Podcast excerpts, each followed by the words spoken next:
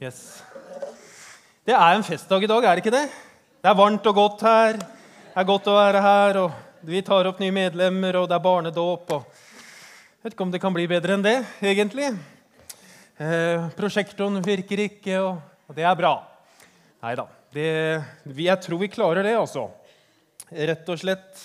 Når vi har eh, Altså, Jeg skal tale over da overskriften 'Du er en forvalter'. Og Når vi har eh, jobba med dette i staben, så har vi tenkt hvordan skal vi liksom gjøre de siste gudstjenestene før sommeren. Skal vi ha temaer som gjør at vi går ut litt sånn trist og deppa og syns at dette var tungt? Eller skal vi ha noen temaer som gjør at vi går liksom ut litt sånn glade og begeistra for både å tilhøre Skien misjonskirke eh, og være en del av fellesskapet? Det er jo det vi ønsker. At når du går ut i dag og går ut på gudstjenesten, av gudstjenesten etterpå, så tenker du yes, jeg blir så glad av å være her. Og jeg er så glad for å kunne tro på Jesus. Jeg er så glad for å kunne ta noen nye skritt med han. Eh, og så ønsker vi også at vi skal eh, inn i sommeren gå med sånn glede og begeistring og forventning om at vi har en stor høst foran oss på mange måter. For vi tror at Gud har en stor høst for menigheten. Fordi vi tror på fortsatt vekst for Skien misjonskirke. Vi tror på fortsatt stor innflytelse for byen vår. Ehm, og vi tror på en stor påvirkning ikke bare for byen, men for Grenland og for Telemark og kanskje for Vestfold. og Det er jo derfor vi planter menighet i Vestfold. Men vi tror at Gud har store planer for Skien misjonskirke. Og hva er de planene?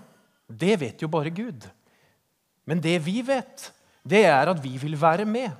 Vi vil henge på. Vi vil se det han ser, og vi vil være der han virker. Og er, da, står vi på en måte med to åpne armer og så sier vi, 'Skje din vilje, Herre', i våre liv og i menigheten. Og I denne serien du er, så, så påstår vi at du er noe mer enn deg selv. At livet er mer enn meg og mitt. Jeg lever jo i relasjon til andre mennesker og familie på jobb og overalt og at jeg også har mulighet til å leve i en relasjon med Han som har skapt meg. Og dersom jeg gjør det, så får jeg Guds liv planta inn i mitt hjerte, som Torbjørn snakka om forrige søndag. Da er vi aldri alene. Ja. I dag er overskriften altså 'Du er en forvalter'. Og Bibelteksten den er fra 1. Peter 4,10. og så er det sånn at hvis du, Nå har vi ikke noe bilde på skjermen, men hvis du sitter med en telefon, for eksempel, så kan du jo se på telefonen på, på bibelappen din, så du følger med, og så er det ingen som mistenker om du spiller. Det er mulighet for det. Men i 1. Peter 4,10 så står det 'tjen hverandre, hver og en med den nådegave han har fått', som gode forvaltere av Guds mangfoldige nåde. Tjen hverandre, hver og en med den nådegave han har fått, som gode forvaltere av Guds mangfoldige nåde. For Uansett hvordan du vrir og vender på det, og hvordan relasjon du har til Gud, så forvalter du noe. Du forvalter tiden din, forvalter kalenderen din, du forvalter noen penger, du forvalter en eiendom, kanskje, du forvalter et ansvar, en jobb, en familie, relasjoner. Og så tror vi også, vi som tror på Jesus, at vi forvalter noen gaver som Gud har gitt oss noen nådegaver, noen talenter eh, og forskjellige ting. Og så er spørsmålet når Peter skriver da, 'tjen hverandre eh, med den nådegave han har fått som gode forvaltere av Guds mangfoldige nåde'. Eh, hva kjennetegner da gode forvaltere? Hva betyr det? Og Bibelen snakker mye om både direkte og indirekte om det å forvalte, det å økonomisere og det å husholdere, det å være en husholderske. Og begrepene forvalter og husholderske de blir brukt litt sånn om hverandre. Og Så forteller Jesus mange lignelser om god og dårlig forvaltning, gode og dårlige forvaltere. Eh, og så slår det meg at Vi som tror på Jesus, vi kan ikke velge om vi skal være forvaltere eller ikke. Men vi kan velge om vi skal være en god forvalter, eller om vi ønsker å være en dårlig forvalter. Så når Peter skriver 'tjen hverandre, vær med den nådegave han har fått', som gode forvaltere av Guds mangfoldige nåde, så lurer jeg på da er jeg en god forvalter. Er jeg en klok forvalter? Er jeg en ærlig forvalter? Er jeg en tro forvalter? Er jeg en smart forvalter? Og hva kjennetegner da gode forvaltere? Så jeg har undersøkt litt, og så har jeg funnet fem ting som jeg tenker det kjennetegner gode forvaltere. Og De kommer opp på skjermen nå. Eh, og, og, eh, og, så kan det godt hende at det fins mange flere enn de fem. De, og du må gjerne være uenig i det også, men de fem er hva kjennetegner gode forvaltere? Jo, nummer én, Gode forvaltere de ivaretar eierens interesser. Og nummer to, Gode forvaltere de søker risiko. De våger risiko. Og gode forvaltere de søker smarte løsninger. Og gode forvaltere fører regnskap. Og gode forvaltere investerer langsiktig. Jeg skal si litt om hver av de. Hvis du tenker at det første punktet blir veldig langt, så er det veldig langt. Men de fire andre er mye kortere. Gode forvaltere ivaretar eierens interesser. Altså, jeg tenker, Vi snakker jo ofte om både mennesker kanskje, og dyr og eiendeler og tid og talenter som om det er vårt. At det er jeg som er den rettmessige eieren, og dermed har full disposisjonsrett. Altså, jeg sier jo det er jo mitt liv, det er min tid, det er mine penger, det er mitt hus, det er mine eiendeler. det er liksom, Alt er mitt. Eh, og så tror jeg at det er helt grunnleggende feil. Fordi det står i Salme 24 der står det jorden og det som fyller den, verden og de som bor i den, alt hører Herren til. For han har grunnlagt jorden på havet, reist den over strømmene i dypet. Hvis du tar bilen din hvis du har bil, eh, og setter deg i den og kjører opp til Bratsberg og finner den gata hvor det står Eikeveien, og så kjører du inn Eikeveien 2A, en liten grusvei, og så kommer du til et hus som ser rosa ut og skal bli grått, og hvis noen kjenner det kallet for å male det i sommer, så er det frihet for det. Men der står det Daland på skiltet, og jeg sier ofte at det er huset mitt. Eh, og det er jo ikke riktig, fordi først og fremst er det jo bankens. Det er jo de som eier det egentlig. Eh, og hvis jeg betaler liksom renter og avdrag og, og så kan jeg jo kanskje kalle det for mitt når jeg liksom bykker 75. Det er mye lom på det. Eh, men selv om jeg gjør det, selv om jeg betaler alle renter og avdrag, så blir jo likevel ikke huset mitt. Selv om jeg ikke har hjelp på det. For fortsatt er det jo Guds. Det er jo han som har gitt oss det. Dypest sett, Han la jo oss som familie bo i det i noen år. Fordi Gud la meg jo dypest sett puste inn hans luft. La meg varme hans sol og eh, drikke hans vann. og han la meg sånn tidlig mai måned, nei, tidlig eh, morgen i mai, sent i mai, så kan jeg på en måte kjenne hans velsignelser over mitt liv. Det er jo hans. Fordi alt jeg har, dypest sett, er jo Guds. Og siden vi dypest sett ikke eier noe, så kan vi jo heller ikke gi noe til Gud som han ikke allerede eier. Og om vi kommer til Jesus med et såkalt vellykket liv, eller om vi kommer med et konkursbo, så skjer det uansett en hel og full overdragelse av det som kalles vårt eller mitt. Når jeg gir mitt liv til Jesus, da er det en eier som dør, og så er det en forvalter som oppstår. Og så vet jeg at Det er mange som har en mening om tienden. Tiende betyr at, et bibelsk prinsipp om man skal gi 10% av det man eier, til menigheten og til Gud. Og Den tanken er jo grunnleggende feil.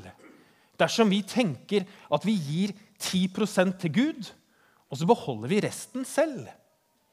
For hele vårt liv, med alt det er, er jo Guds. 100% Så tror vi at det er en god leveregel å gi 10 eller 1 eller 5 eller hva, men å gi 10% Men prosenten er ikke viktig. Det er hjertet ditt som er viktig. Om du gir med glede, og om du forvalter det du har, på en god måte. Paulus skriver i 1. Korinterbrev 6,19.: Vet dere ikke at deres legemer er et tempel for Den hellige ånd, som bor i dere, og som dere har fått av Gud? Dere tilhører ikke lenger dere selv, skriver Paulus. Så vi har ikke valget mellom å være eiere eller forvaltere. Vårt valg er om vi vil være gode forvaltere eller dårlige forvaltere. Og den gode forvalteren investerer eierens rikdom så den multipliseres. Og så hadde jeg en veldig sånn god setning som, skal, som, jeg tenkte vi skulle lese, for den var så flott. Men jeg sier den, og så kan vi se om dere husker den. Fordi, og den er sånn En god forvalter bruker gudgitte evner til å forvalte gudgitte ressurser for å oppnå gudgitte resultater. En god forvalter bruker gudgitte evner for å til å forvalte gudgitte ressurser for å oppnå gudgitte resultater. Her i menigheten så er det Gud som er herre. Det er han som eier den. Og vi er satt til å forvalte hans interesser. Hva er det? Det er jo mange ting. Blant annet så er det misjonsbefalingen som vi leste når vi døpte Mathea i stad. Mathilde i stad. Gå ut og gjøre disipler og døp dem. Også det som er Guds interesser, er jo den gylne regel. Når det kommer en fariseer til Jesus og spør hva er det, liksom det største og viktigste budet, så sier Jesus ja, det er to ting. Du skal elske Gud, og du skal elske mennesker. Og så er det nesten som han sier resten er detaljer. Fordi du skal elske Gud, og du skal elske mennesker. Fordi Guds interesser er mennesker, og gode forvaltere ivaretar eierens interesser. Det var punkt én. Punkt to er gode forvaltere søker smarte løsninger. Jesus han var veldig opptatt av forvaltning. Han snakket mye om gode investeringer. Mer enn 50% av lignelsene som Jesus fortalte, handlet om penger og materielle verdier.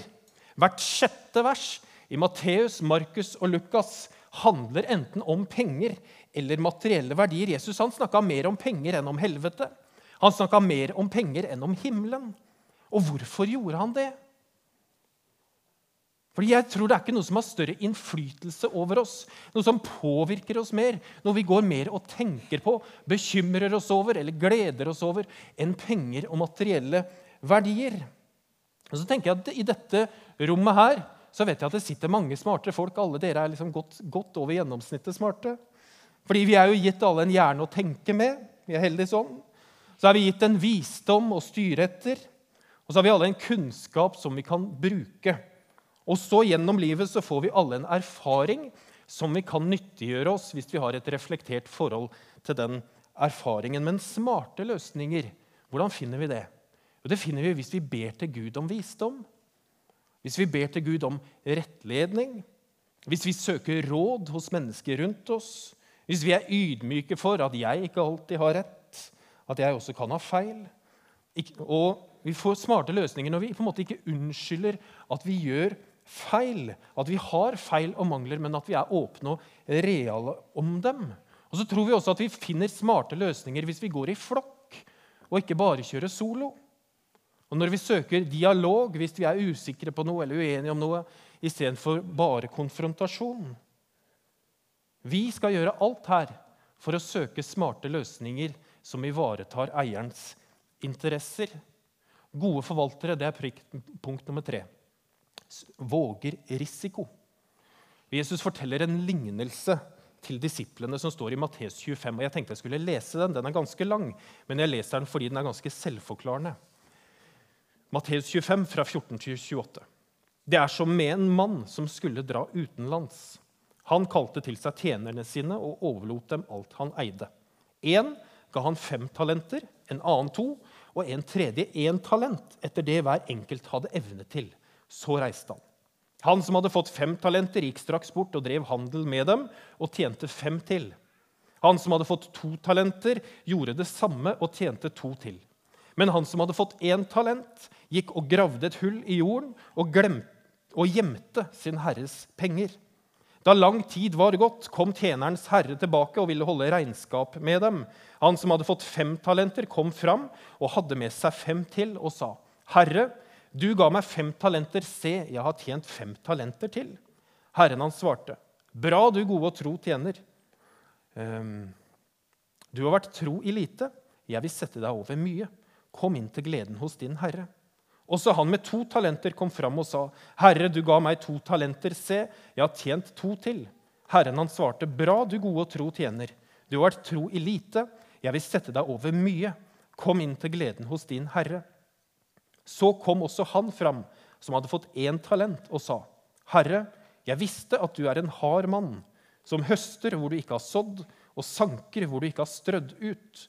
Derfor ble jeg redd og gikk og gjemte talenten din i jorden. Se, her har du ditt. Men Herren svarte ham, du dårlige og late tjener. Du visste at jeg høster hvor jeg ikke har sådd, og sanker hvor jeg ikke har strødd ut. Da burde du ha overlatt pengene mine til dem som driver med utlån, så jeg kunne fått dem igjen med renter når jeg kom tilbake. Ta derfor talenten fra ham og gi den til ham som har de talentene. Dette er en kjempedyp tekst som man kan si mye om.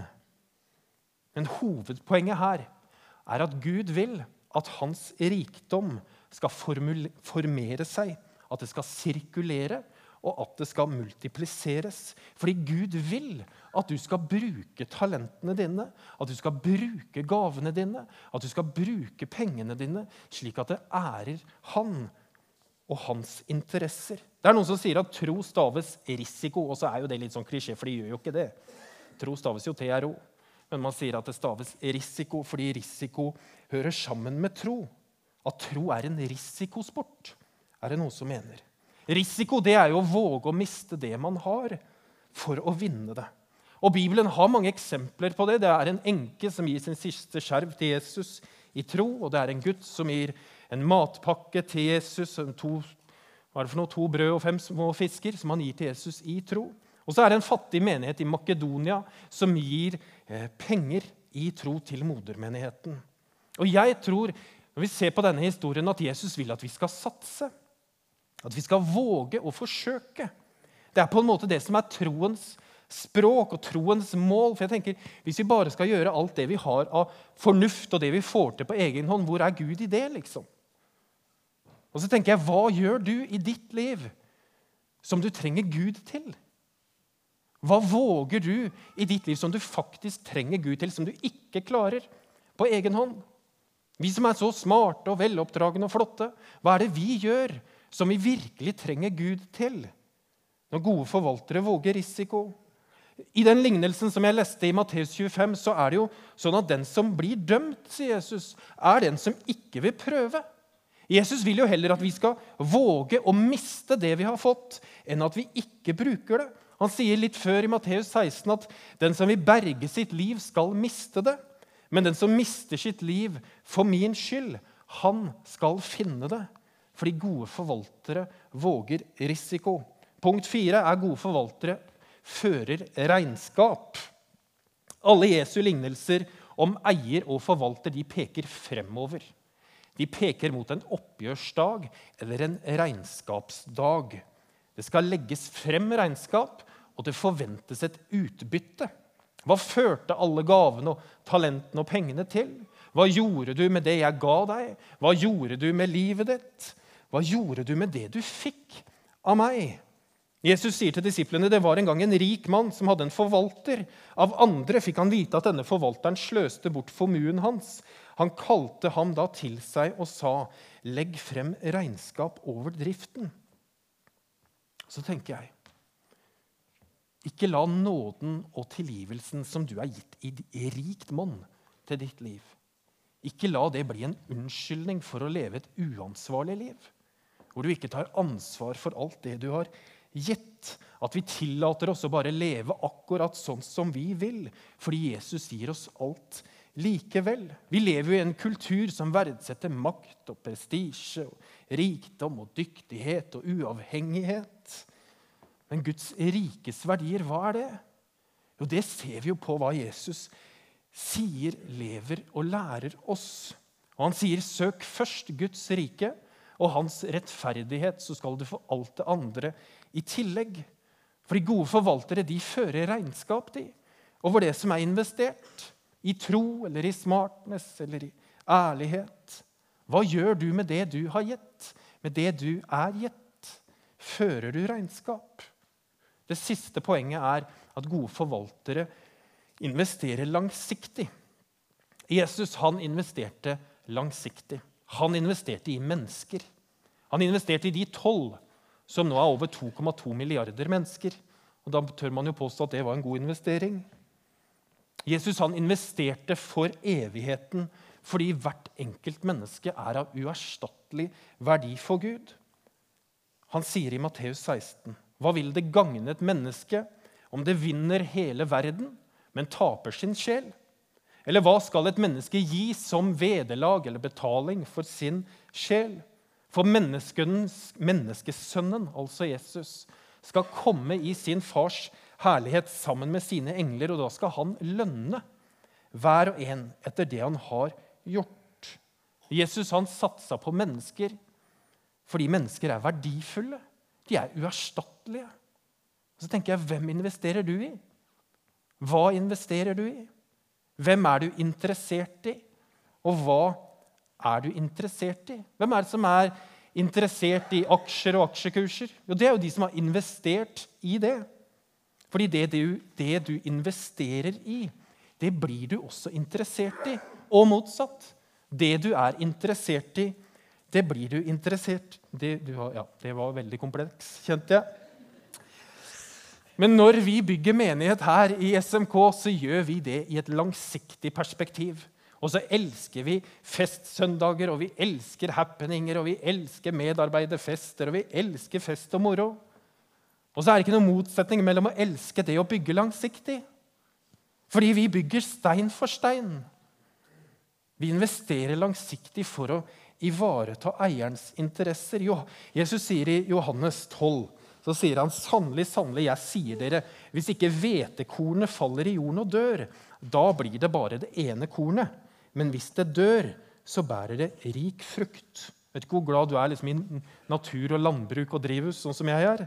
Men jeg vet jo det, at hvis jeg putter et korn i jorda, så kommer det ikke opp et tre i morgen. Jeg så en film om Asterix og Obelix eh, her på fredag, forresten, og de putta bare en sånn nøtt i jorda, de, og så, voff, så var det tre. Men det er jo ikke sånn for oss, i hvert fall ikke i drivhuset mitt.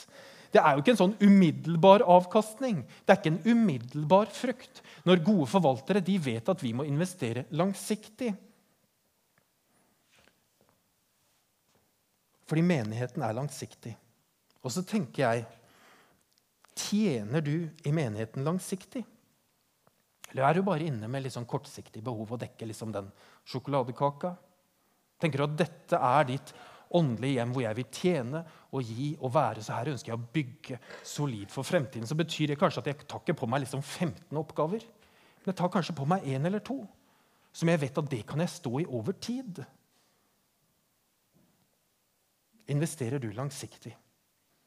Derfor er vår bønn i lederskapet og min bønn for tiden og be om nåde over vår forvalteroppgave, sånn at vi kan ivareta det som er eierens interesser. At vi skal velge noen smarte løsninger for menigheten. At vi våger risiko. At vi fører regnskap, og at vi investerer langsiktig.